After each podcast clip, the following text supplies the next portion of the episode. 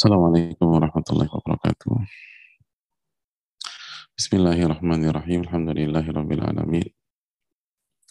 Wa bihi nasta'in ala umuri dunya waddin. Wassalatu wassalamu ala ashrafi anbiya'ihi wal mursalin wa ala alihi wa sahbihi wa man sara ala nahjihi bi ihsanin ila yaumidin wa ba'd.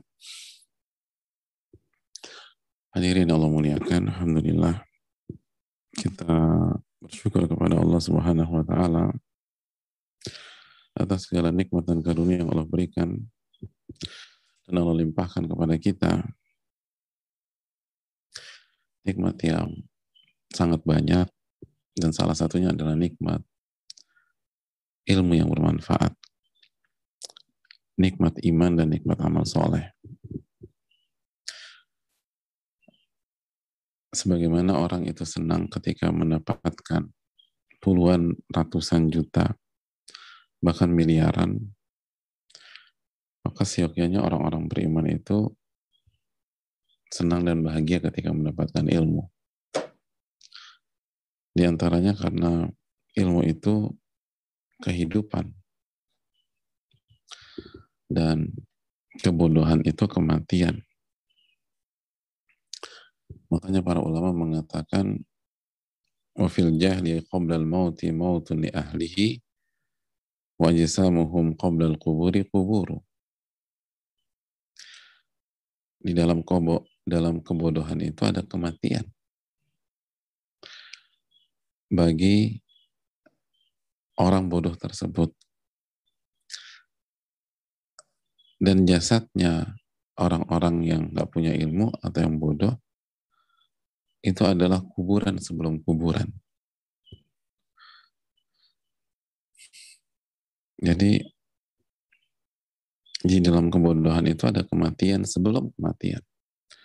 Wa fil jahli qabla al-mauti mautun li ahlihi. Wa jisamuhum qabla al-kuburi kuburu.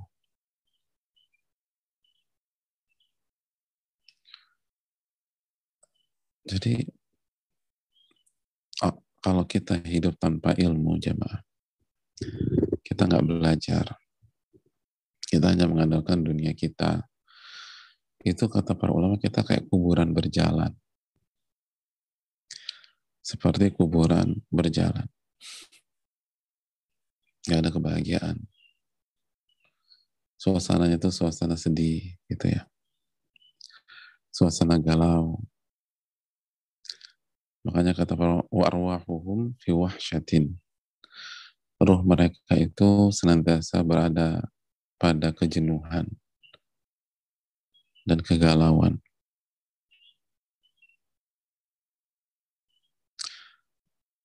Gak bahagia hidupnya. Walaupun punya uang banyak. Walaupun punya popularitas. Punya followers yang banyak walaupun ia tampan atau ia cantik. Tidak ada gunanya. Itu kuburan berjalan. Wajisamuhum qoblal kuburi kubur. Itu jasadnya adalah kuburannya sebelum kuburan yang sebenarnya. Maka bersyukurlah ketika kita diberikan taufik oleh Allah untuk menuntut ilmu Terlebih lagi bersama salah satu buku terbaik di dunia, yaitu Riyadus Salihin. Ini sebuah anugerah, sebuah kebahagiaan, sebuah keberuntungan yang harus direspon dengan rasa syukur. La in syakartum la azidannakum. Jika kalian bersyukur, kata Allah, kami akan tambah. Kami akan tambah. Maka mari bersyukur kepada Allah lalu minta pertolongan kepada Allah agar kita diberikan kemudahan, kelancaran, pemahaman, lalu taufik untuk bisa menerima, dan kekuatan untuk bisa mengamalkan. Sehingga ilmu itu jadi ilmu yang bermanfaat, bukan ilmu maklumat. Allahumma inna nas'aluka ilma nafi'ah wa na'udhu bika min ilmin la yanfa' Ya Allah kami meminta kepada engkau ilmu yang bermanfaat. Dan kami berlindung kepada engkau dari ilmu yang tidak bermanfaat. Hadirin Allah muliakan, mintalah ilmu yang bermanfaat. Dan jamaah yang Allah muliakan, marilah kita kuatkan syahadatain kita, la ilaha illallah wa anna muhammadan rasulullah. Oh, tidak ada yang berhak diibadahi kecuali Allah Subhanahu wa taala. Dan Rasul adalah hamba dan utusan Allah. Maka ketika kita beribadah, kita beriman, marilah kita ikuti Rasulullah Sallallahu Alaihi Wasallam, sosok yang paling berjasa pada kehidupan kita. Makanya jamaah sekalian perbanyak salawat dan salam kepada Nabi kita, Rasul kita, Sayyidina Muhammadin Sallallahu Alaihi Wasallam beserta para keluarga, para sahabat dan orang-orang yang istiqomah berjalan di bawah naungan sunnah beliau sampai hari kiamat kelak. Uh, kita masuk ke kitab kita Riyadus Salihin. Kitab yang sangat fenomenal. Dan hadirin Allah muliakan, masih bersama kita banyaknya jalan-jalan kebaikan atau pintu-pintu kebaikan. Hadis yang keempat. Hadis yang keempat. Dan menariknya lagi-lagi dari Abu Dhar. Lagi-lagi dari Abu Dhar. Al-Ghifari. Semoga Allah meridai beliau. Mari kita masuk untuk mengefektifkan waktu. Uh, disampaikan oleh Al-Imam An-Nawawi rahimahullah, semoga Allah merahmati beliau, keluarga beliau, dan semoga Allah mengampuni segala khilaf beliau dan kita semua, dan semoga Allah merahmati seluruh kaum muslimin. Beliau menyampaikan rahimahullah anhu dari Abu Dhar. Ana nasan qalu. Uh, ada sebagian orang menyampaikan kepada Nabi Shallallahu Alaihi Wasallam. Dalam riwayat yang lain, mereka adalah fukara. Mereka adalah orang-orang fakir orang-orang miskin di kota Madinah. Orang-orang miskin dari sahabat-sahabat Nabi SAW. Jadi sebagai atau di sahabat Nabi ada yang kaya, ada yang miskin. Nah ini yang datang ke Nabi SAW dan yang menyampaikan sesuatu ini orang miskinnya. Dijelaskan dalam riwayat yang lain. Hadirin Allah muliakan, ada hal apa orang miskin datang kepada Nabi SAW? Ternyata mereka mau curhat hadirin. Mau menyampaikan kegalauan mereka. Sekaligus minta sesuatu dari Nabi SAW. Apa ya kira-kira ya? Atau mungkin mereka curhat tentang beras di rumah habis kali Ustaz. Eh di sana dulu, dulu korma, oh mungkin korma habis tuh. Minyak nggak ada. Isi kulkas kosong. SPP anak belum bayar. Sebelum kita terlalu jauh berpikir, mari kita langsung masuk ke riwayat tersebut. Ya Rasulullah mereka menyampaikan wahai Rasulullah sallallahu alaihi wasallam zahaba ahlu duthuri bil ujur. Ternyata yang mereka curhatkan itu benar-benar di luar perkiraan kita. Benar-benar of the box ini hadirin. Susah nyari curhatan seperti ini. Ini mengecoh benar-benar Ini mind blowing banget. Kata mereka, orang-orang kaya itu telah pergi dengan memborong pahala. Orang kaya itu meninggalkan kita dengan memborong pahala. Maksudnya apa? Yusalluna kama nusalli. Mereka sholat sebagaimana kami sholat. Masya Allah.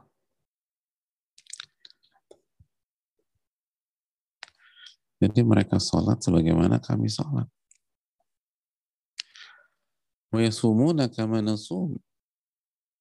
Dan mereka berpuasa sebagaimana kami berpuasa. Jadi kami orang miskin sholat, orang kaya itu juga pada sholat.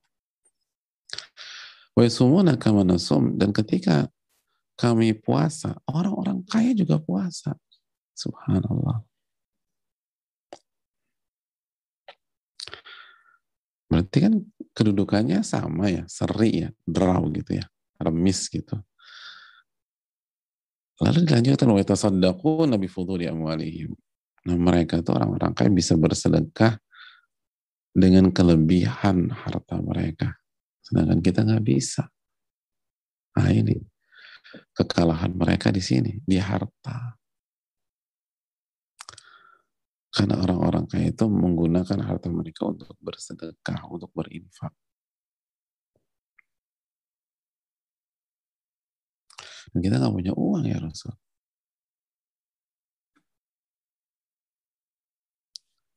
Itu hadirin. Kal, lalu Nabi SAW menyampaikan, Nabi kasih solusi. Awa awalaisa qad ja'ala lakum ma tasaddaquna bihi? Uh, bukankah Allah sudah memberikan kalian kesempatan bersedekah dengan cara yang lain? Jadi yang usah khawatir, kalian juga ada solusinya.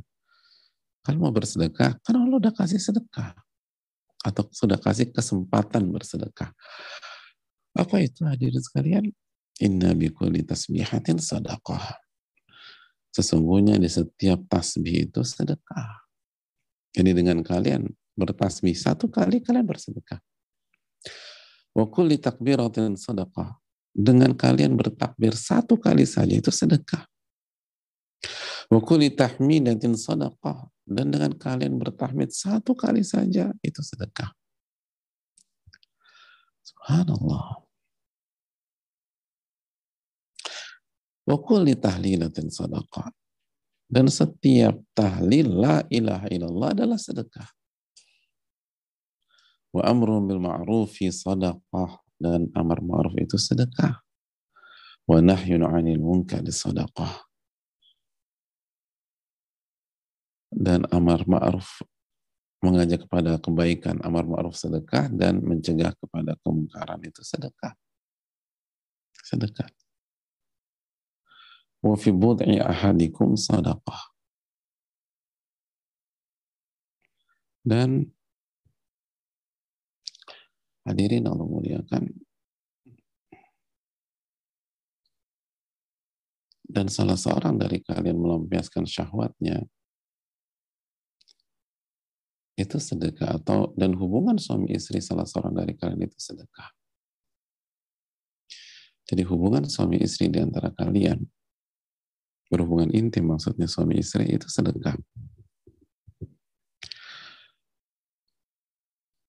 Hadirin Allah muliakan.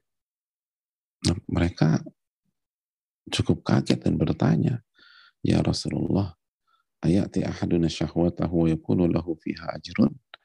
Ya Rasulullah, apakah pada saat salah seorang dari kami melampiaskan syahwatnya kepada istrinya, itu dapat pahala Qala araitum law wada'aha fi haramin akana alaihi wizrun.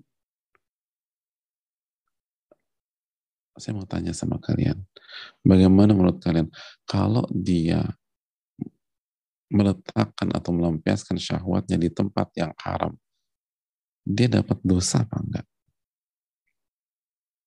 Maka jawabannya iya dia berdosa. Maka dzalika idza wada'aha fil halal kana lahu ajr. Dan begitulah kalau dia lampiaskan atau dia letakkan di jalan yang halal atau di tempat yang halal, maka dia dapat pahala. Hadis surat Imam Muslim. Hadis surat Imam Muslim. Hadirin Allah muliakan. Ada banyak pelajaran berharga dari hadis ini. Pelajaran yang pertama, sekali lagi, bahwa di zaman Nabi itu ada sahabat yang kaya dan ada sahabat yang miskin.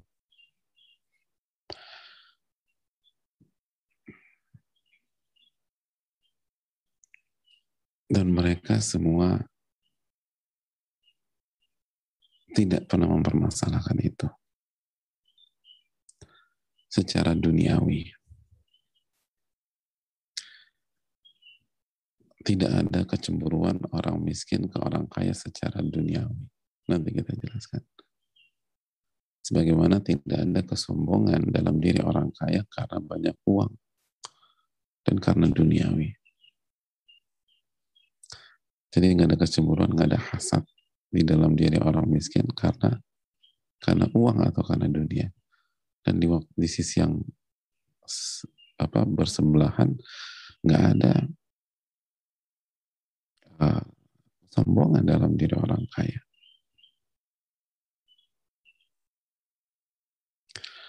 Karena lebih kaya atau lebih punya harta semuanya sama-sama mencari akhirat dengan kondisi mereka masing-masing.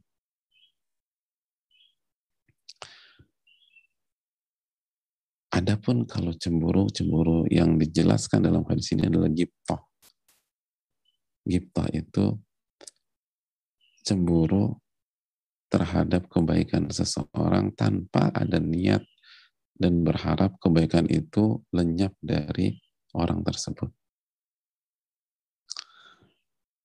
Jadi menginginkan atau cemburu atau apa namanya iri positif ya atas kebaikan orang, amal soleh orang, tapi nggak ada niatan sama sekali agar kebaikan itu lenyap. Beda dengan hasad.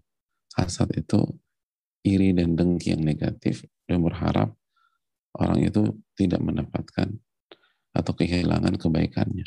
Itu hasad. Ini enggak. Nah itulah para sahabat Nabi SAW. Nah pelajaran yang berikutnya hadirin Allah muliakan. Hadis ini menunjukkan kepada kita bagaimana uh, curhatnya orang miskin di zaman Nabi. Isu yang ada dalam diri mereka. Apa yang ada dalam hati mereka ketika mereka melihat orang kaya. Ternyata yang ada dalam diri mereka adalah fastabikul khairat dan khawatir kalah dengan orang kaya dalam masalah kebaikan. Jadi prinsip fastabikul khairat itu menancap di dalam hati-hati mereka. Ayat dalam surat Al-Baqarah 148 itu fastabikul khairat bukan hanya mereka baca, bukan hanya mereka lantunkan. Bukan hanya mereka hafal. Fastabikul khairat maka berlomba-lombalah dalam mengerjakan kebajikan. Itu benar-benar menancap, merasuk dan menjadi darah daging mereka.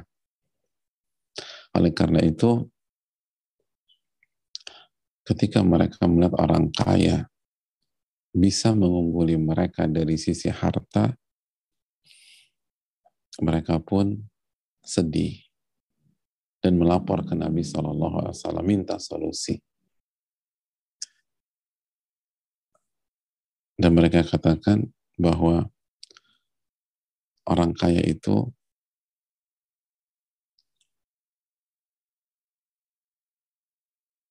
sholat sebagaimana kita sholat. Satu sama berarti. Kita puasa, mereka juga puasa. Dan mereka punya keunggulan dengan harta. Mereka bisa berinfak, kita nggak bisa. Mereka bisa bersedekah, kita nggak bisa.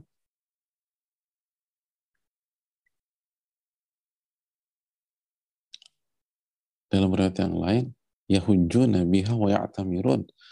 Mereka bisa haji dan mereka bisa umrah, sedangkan kita terbatas, nggak bisa.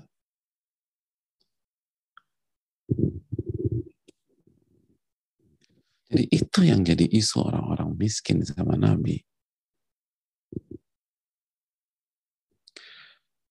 Kenapa mereka, gimana mereka bisa bersedekah, kita nggak bisa. Jadi dulu orang-orang fakir, orang-orang miskin itu nggak pernah tertarik dengan harta orang kaya. Yang membuat mereka bisa beli rumah mewah misalnya.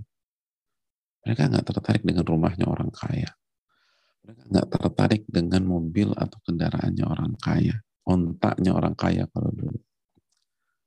Makanya kata para ulama seperti Al-Imam Muhammad bin yang mereka soroti bukan kendaraannya orang kaya, bukan pakaian mahalnya orang kaya, bukan perhiasannya orang kaya, tapi yang mereka soroti adalah orang kaya bisa berinfak dan bersedekah. Sedangkan kita nggak bisa. Gitu loh. Dan kita nggak bisa. Itu yang membuat mereka mengganjal.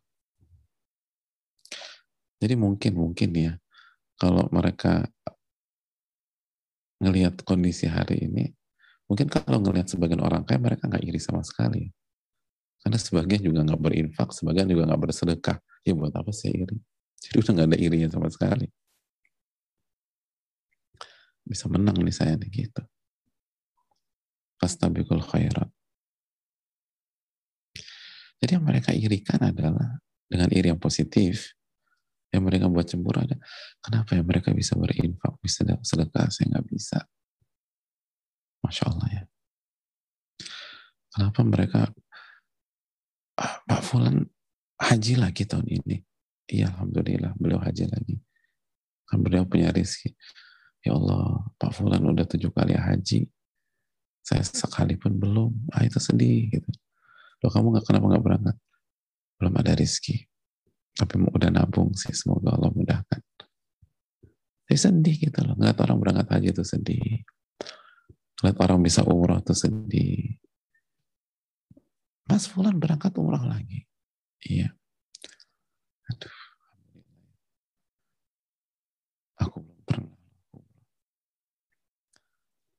Atau ada yang bilang, aku pernah umrah terakhir tahun 2002. Sudah lama. Kenapa nggak berangkat? Belum ada rezeki lagi. Itu yang di sedih. Bukan jalan-jalannya orang kaya ke luar negeri, bukan belanjanya orang kaya, bukan pelesirannya orang kaya, bukan travelingnya orang kaya, bukan ketika dia selfie di salat di berbagai macam icon-icon dunia, bukan. Mereka nggak tertarik tentang hal itu. Mau pelesiran kayak, mau traveling kayak, mau nginep di hotel uh, mau bintang lima, atau bintang tujuh sekalian.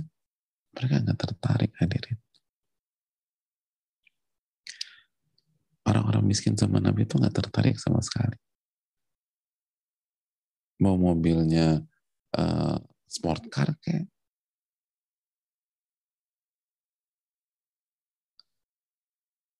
nggak tertarik, nggak tertarik. Hal itu tuh nggak tertarik mau puluhan miliar atau mobil, nggak tertarik, biasa aja.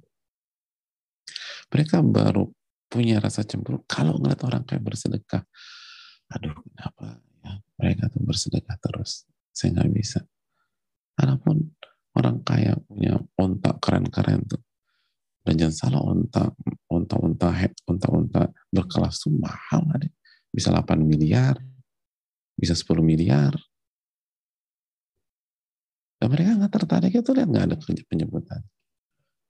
Mau orang kaya dari ubun-ubun sampai jempol kaki branded semua, mereka nggak tertarik.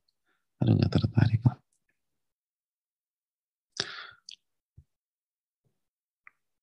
Orang kaya di kajian, tasnya branded. Orang miskin nggak tertarik. Padahal yang orang miskin ini cuma bawa kantong kresek aja. Bawa kantong kresek buat naruh sendal. Masya Allah.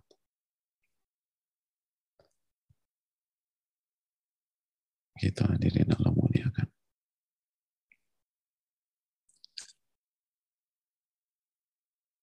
Mereka tuh nggak tertarik dengan hal seperti itu.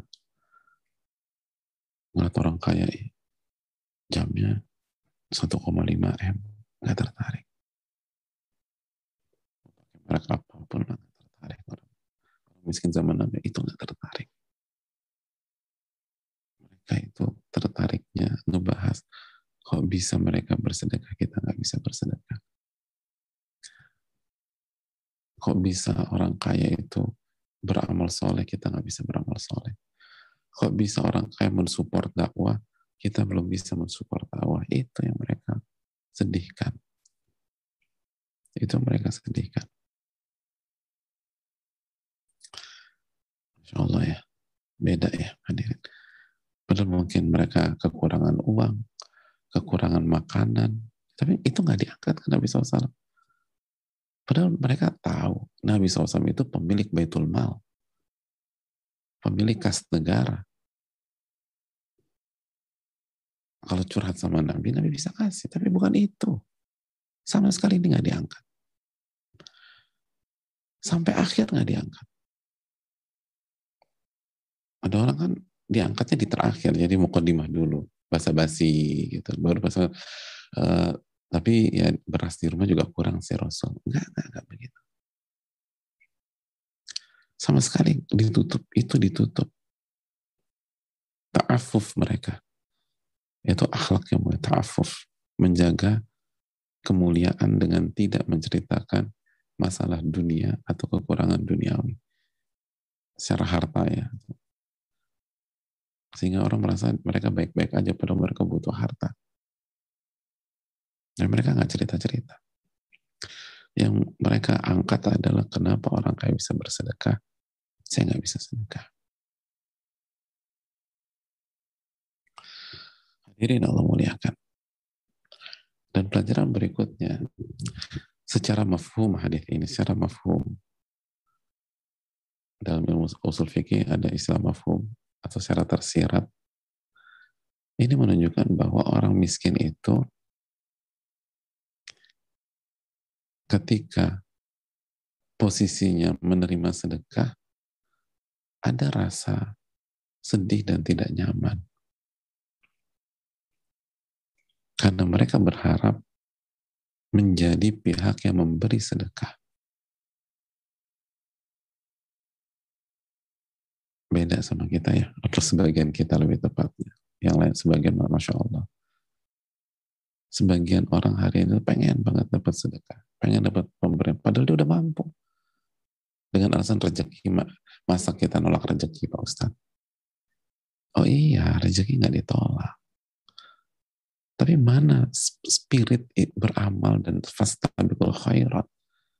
Mana semangat tangan di atas lebih baik daripada tangan di bawah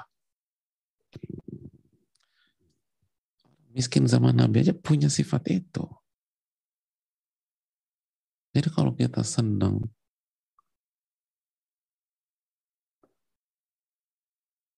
secara mutlak, orang miskin sama Nabi enggak. Ini buktinya curhat sama Nabi. Orang kaya itu ketika bersedekah, ngasih sedekahnya ke siapa? Kalau bukan ke orang miskin. Ya bayangkan, dapat sedekah itu laporan ke Nabi SAW. Galau, subhanallah.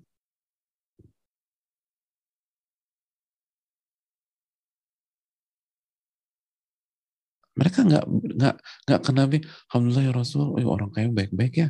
Kita mah dapat sedekah terus dari mereka. Kita bersyukur, semoga uh, pahala mereka besar dan rezeki mereka tanpa batas. Mereka nggak bilang gitu loh. Padahal bisa mereka bilang demikian.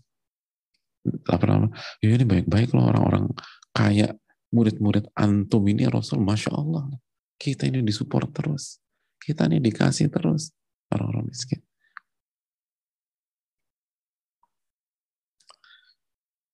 Alih-alih menyampaikan hal demikian, mereka justru datang ke Nabi SAW dengan mengatakan, mereka bisa bersedekah, sedangkan kita nggak bisa bersedekah.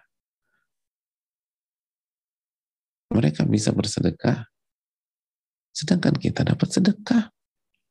Jadi dapat sedekah itu ada galaunya juga, jemaah. Subhanallah.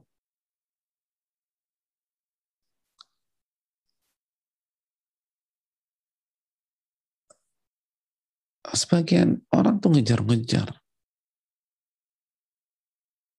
Gimana biar dapat? Bahkan ada yang jadi profesi. Subhanallah. Minta-minta. Mereka enggak.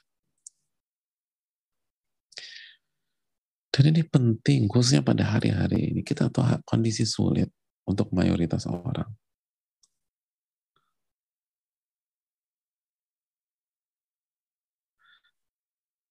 Sudahkah kita bermental dengan mental para sahabat Nabi SAW? Walaupun kondisi susah, walaupun kondisi sulit. Sudahkah kita punya mental memberi lebih besar daripada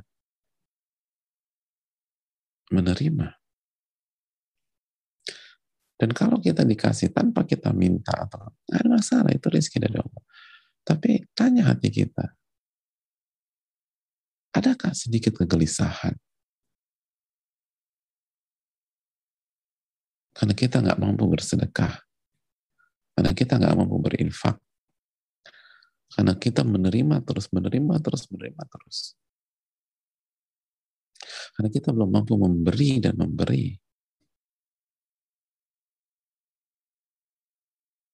Dan itu yang dirasakan para sahabat Nabi SAW. Karena kita tahu bersama sedekah itu untuk fakir miskin. Berarti mereka dapat kan. Orang kayaknya semangat-semangat infak. Justru mereka galau dan mengangkat kegalauan mereka kepada Nabi kita Sallallahu Alaihi Wasallam.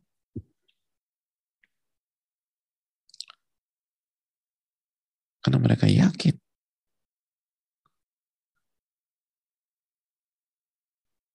Mereka yakin dengan hadis Nabi SAW. Mereka yakin dengan kata fastabiqul khairat. Mereka yakin dengan pahala besar.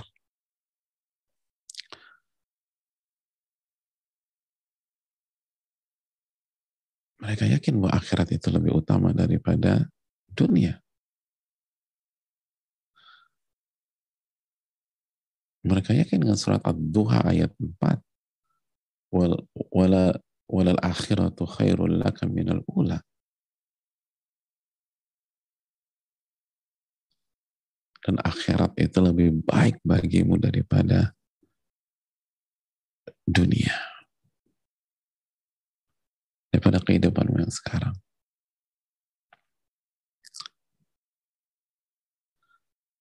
lihat himmah mereka jamaah lihat semangat mereka untuk mengejar akhirat.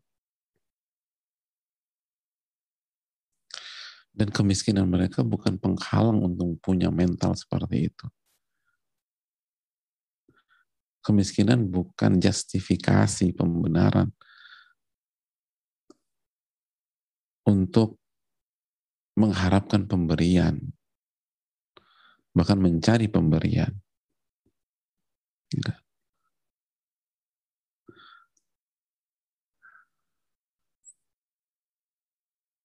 Itu yang menjadi perhatian kita. Mereka nggak tertarik tentang itu.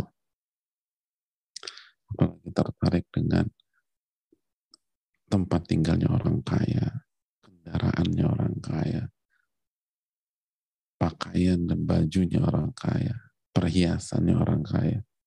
Nggak tertarik. Karena mereka juga tahu, mereka kan belajar. Semuanya akan dihisap oleh Allah. Semua akan ditanya oleh Allah.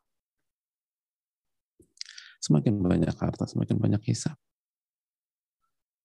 Semakin kita membelanjakan harta kita untuk barang-barang mewah, barang-barang yang mahal, kan semakin ditanya oleh Rabbul Alamin. Kenapa beli barang segitu? Kenapa beli tas 200-an juta? Nggak ada yang lebih murah. Emangnya benar-benar butuh? Kan ditanya sama Allah.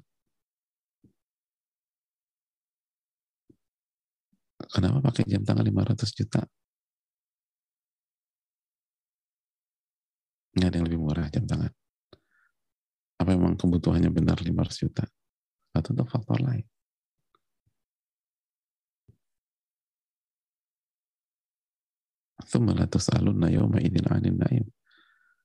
Jadi orang-orang miskin ngapain tertarik tentang hal itu?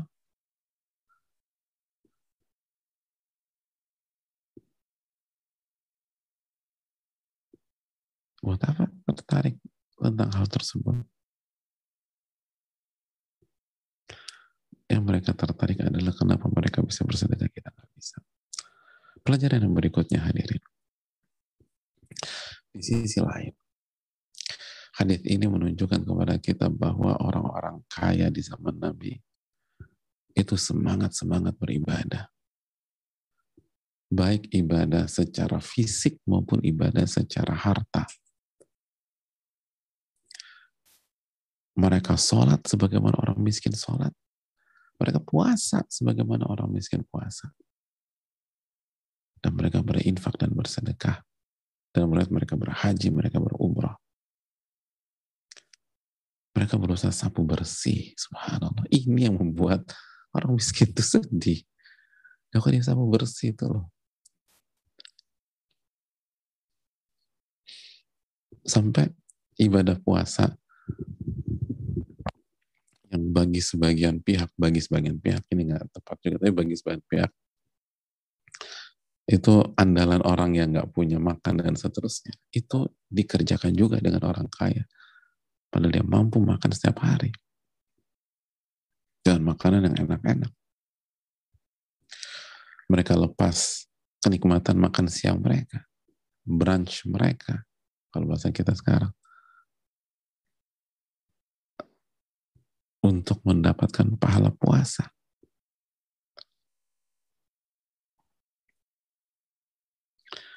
Gitu hadirin. Itu orang kaya di zaman Nabi SAW. Jadi mau apa? Mau sholat, mereka sholat. Mereka sholat wajib, mereka sholat sunnahnya kuat. Mereka rawatibnya bagus, mereka duhanya oke. Okay. Mereka tahajudnya bagus. Kalau misalnya tahajud nggak dikerjakan, mereka ganti di duha misalnya. Sebagaimana hadis Nabi SAW. Oh, pokoknya tahu puasanya pun juga demikian. Kayak di bulan Syaban ini mereka perbanyak puasa. Sebagaimana Nabi memperbanyak puasa. Karena sumu Syabana illa qalila kan. Nabinya SAW berpuasa di bulan Syaban kecuali beberapa hari saja sebagaimana keterangan dari Aisyah radhiyallahu taala anha, oh mereka puasa juga. Ramadan apalagi? Oh, mereka rajin infak, rajin sedekah, infak, sedekah, kasih, kasih, kasih, kasih, kasih.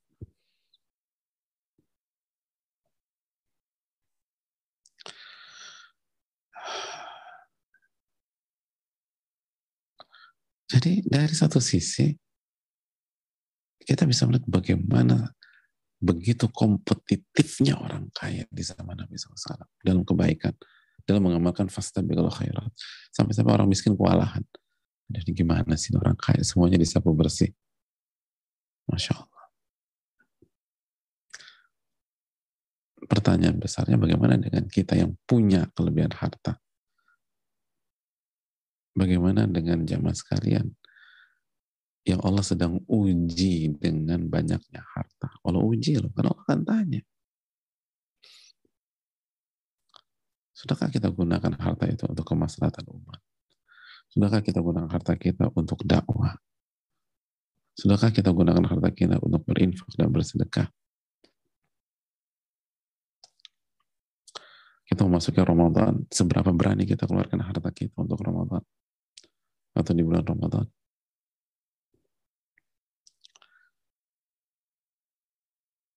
Berapa orang yang kita berikan makanan berbuka nanti ketika Ramadan? Kita gunakan harta kita.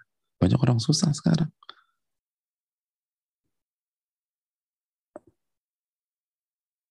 tentu saja mendapatkan makanan berbuka itu sebuah bantuan yang luar biasa. Seberapa berani kita keluarkan harta kita.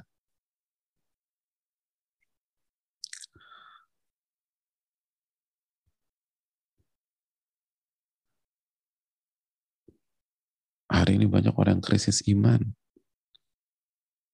krisis ketakwaan, sehingga goncang ketika pandemi belum berakhir juga, kondisi ekonomi bagi banyak pihak juga goncang.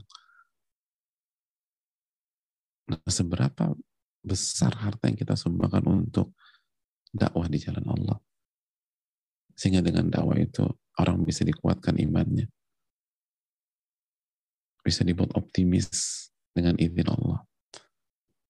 Bisa mengenal Robnya, bisa beribadah kepada Rob, Rabbul Alam tahu saluran untuk mengeluhkan segala masalahnya. Oke, kita bukan ustadz, kita nggak punya ilmu, kita nggak bisa bicara, tapi kita punya harta. Sudah berapa banyak harta gitu kita infakkan untuk berdakwah di jalan Allah atau menjadi bagian dari dakwah.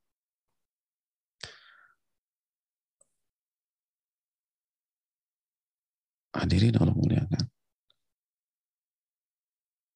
Ada jutaan orang umat Islam nggak bisa baca Quran hari ini. Sudahkah kita menjadi bagian program atau gerakan memberantas buta huruf Al-Quran? Kita support si A, kita support si B, kita support si program-program itu harus berjalan. Kita dukung program-program tersebut. Itulah yang harus dilakukan. Sehingga nanti di hari kiamat, Ketika Allah tanya, itu harta dipakai buat apa aja? Kita bisa fasih dalam menjelaskan. Itu malah tas'alun yawma idin anin na'im. Pada hari kiamat, kalian akan ditanya tentang nikmat yang Allah berikan kepada kalian. Allah ta'ala bisawab. Pelajaran berikutnya. Hadirin Allah muliakan. Pelajaran yang berikutnya adalah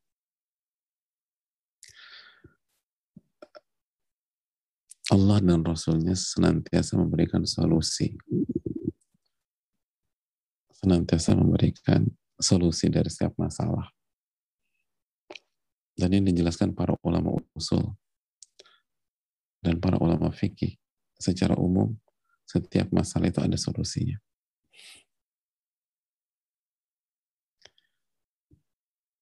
Itu kaidah. Setiap masalah ada solusi. Orang miskin punya masalah dengan nggak bisa sedekah. Allah dan Rasulnya berikan solusi. Jadi secara umum demikian. Paling ada anomali. Anomalinya apa? Kematian. Kematian nggak ada solusi.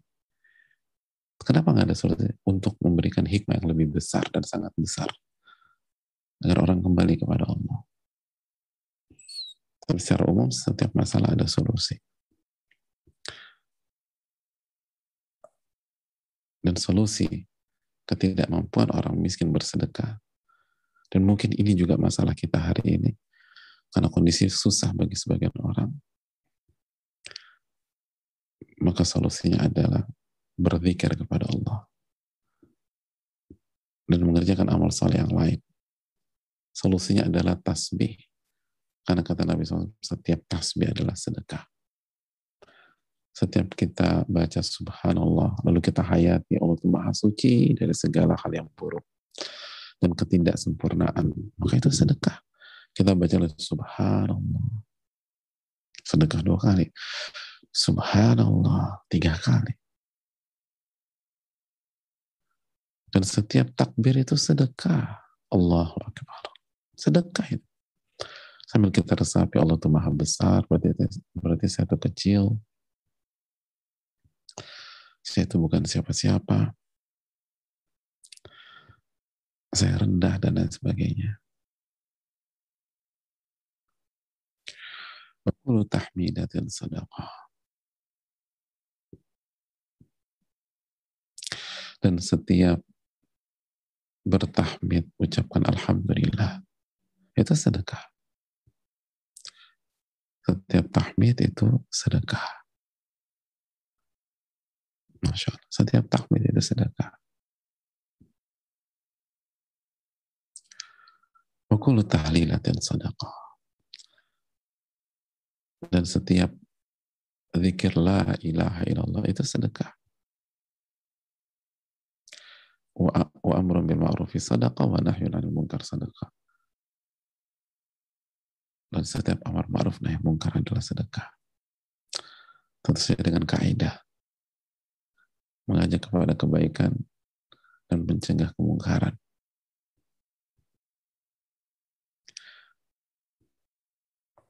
Mengajak kepada kebaikan dan mencegah kemungkaran. Secara singkat kata para ulama di antara kaidahnya harus dengan ilmu. Jangan udah melarang ternyata dia benar gitu loh. Kita udah larang-larang. Atau ketika kita ajak ternyata salah. Ternyata hadisnya palsu misalnya Ya ada ilmu. Gitu hadirin.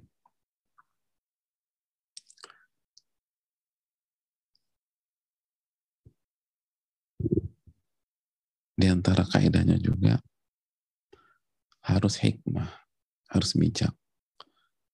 Gunakan bahasa yang tepat. Cari waktu yang tepat. Cari tempat yang tepat. Jadi nggak ngasal, jadi hikmah. Bahasanya, cara penyampaiannya itu tepat. Hikmah. Amar ma'ruf nahi munkar. Lalu yang berikutnya mempertimbangkan maslahat dan mudarat. Jangan sampai kita cegah kemungkaran menimbulkan kemungkaran yang jauh lebih besar. Itu nggak boleh kata para ulama. Jadi mempertimbangkan. Kalau meminimalisir, ingkari. Hilang, lebih lagi harus diingkari. Tapi kalau ternyata menimbulkan masalah baru yang lebih parah dan lebih serius, nggak boleh diingkari. Pada saat itu kita tunda dulu. Lalu juga di antara kaidahnya sabar hadirin. Sabar. Mungkin nggak satu kali, dua kali, harus tiga kali, empat kali baru orang mau ikut. Sabar, sabar, sabar. Dan itu semua sedekah.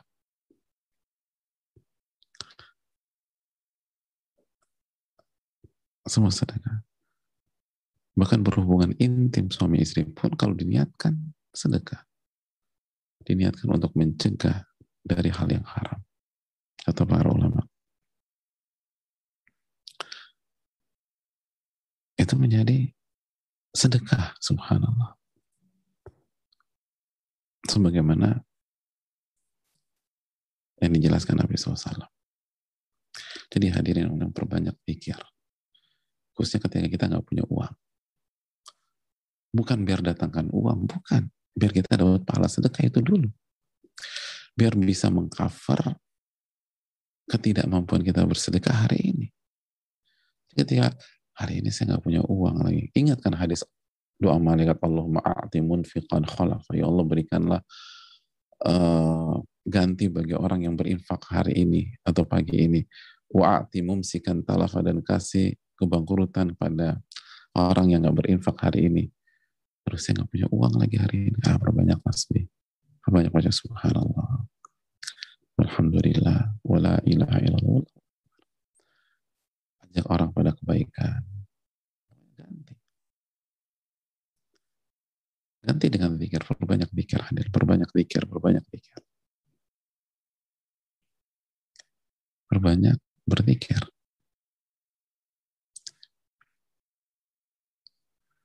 Itu hal yang penting. Yang terakhir hadirin Allah muliakan.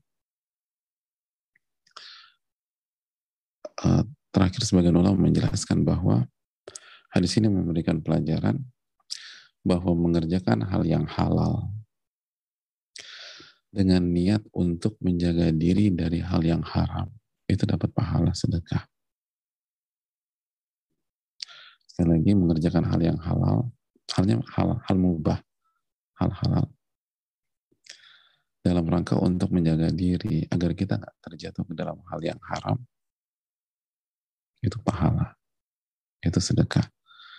Sebagaimana terakhir berhubungan suami istri menyalurkan syahwat atau mengungkapkan syahwat kepada istri atau kepada suami agar kita tidak terjatuh ke dalam zina agar menjaga diri dari jalan yang haram maka itu dinilai sedekah dan pahala. Ini menunjukkan betapa besarnya uh, anugerah Allah Subhanahu wa taala kepada kita dan betapa banyaknya jalan-jalan kebaikan sampai berhubungan intim pun kita dapat pahala untuk menjaga diri dari hal yang haram. Tapi terakhir berkaitan dengan poin terakhir, ada nasihat menarik dari Al-Imam Ibnu Jauzi rahimahullah. Kata beliau, ketika seseorang atau mohon maaf secara secara makna ya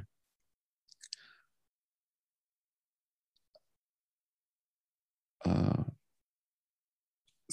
seyogianya atau seharusnya orang yang berhubungan intim dengan suami atau istrinya itu semakin membuat dia menginginkan akhirat dan cinta kepada akhirat. Dan ini cukup mengejutkan karena aktivitas ini itu duniawi banget. Tapi kata para ulama, sebagaimana Ibnu Jauzi, seyogyanya seseorang itu semakin semangat mencari surga. Semakin semangat mencari akhirat. Kenapa demikian? Kata beliau, rahimahullah. Karena ketika dia merasakan kenikmatan pada saat dia berhubungan intim, dia meyakini bahwa kenikmatan surga jauh lebih nikmat dari ini. Jadi justru semakin mengundang rasa penasarannya dan semangatnya untuk masuk surga. Allahu Akbar. Jadi ketika seseorang merasakan kenikmatan, itu kan duniawi banget. Maka dia yakin. Jadi pikirannya orang beriman tuh gitu beda ya. Jadi imannya mengajak dia untuk berpikir kenikmatan surga kan jauh lebih nikmat dari ini. Kalau ini aja nikmat, gimana surga? Maka saya ingin masuk surga. Saya ingin masuk surga. Sama kayak misalnya kita pecinta bakso gitu. Terus kita kita ajak teman kita, Mas, kita makan di tempat bakso andalan saya makan. Oh, kita punya bisa-bisa. Terus kita makan, gimana mas enak nggak? Oh, masya Allah mantap. Masya Allah mantap. Tapi, loh, ada tapinya mas. Ini enak. Tapi saya tahu ada yang lebih enak dari ini. Oh di mana mas? Ada.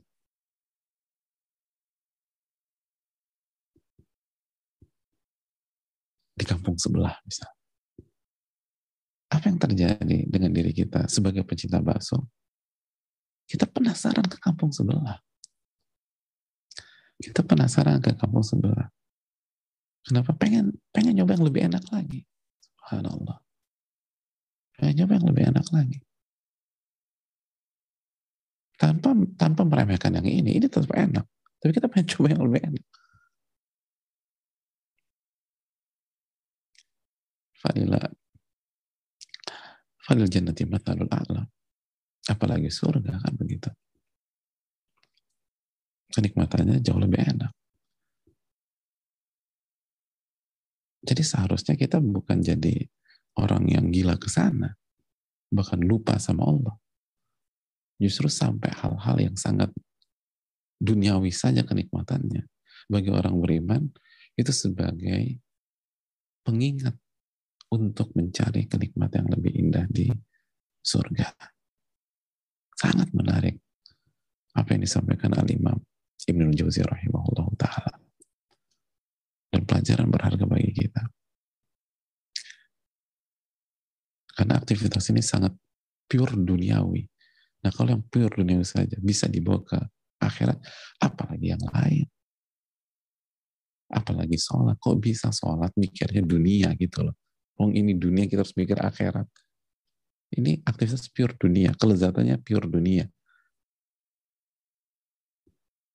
Itu aja ada sisi di mana kita diajak untuk apa mengejar yang lebih nikmat lagi di akhirat. Loh kok bisa kita udah sangat akhirat nih. Sholat sholat subuh, sholat duhur, sholat asar, atau puasa. Yang kita pikir makanan, yang kita pikir uh, urusan duniawi kita. Fa'tabiru ya ulil albab. Ini yang bisa disampaikan. Semoga bermanfaat. Dan saya rasa cukup sampai di sini. Semoga Allah Subhanahu wa taala memberikan taufik kepada kita. Dan hadirin sekalian, ingat setengah bulan menjelang Ramadan, bismillah taala. Perbanyak ibadah, perbanyak amal soleh. Manfaatkan bulan Syaban sekaligus persiapan untuk bulan Ramadan. Allahumma inna nas'aluka ilman nafi'an wa na'udzubika min ilmin la yanfa' dan banyak doa agar Allah pertemukan kita dengan Ramadan. Allah membaliknya Ramadan. Ya Allah sampaikanlah kita semua di bulan ke bulan Ramadan. Rabbana taqabbal minna. Ya Allah terima amal ibadah kami. Subhanaka wa bihamdika la ilaha illa anta astaghfiruka wa atubu ilaik. Assalamualaikum warahmatullahi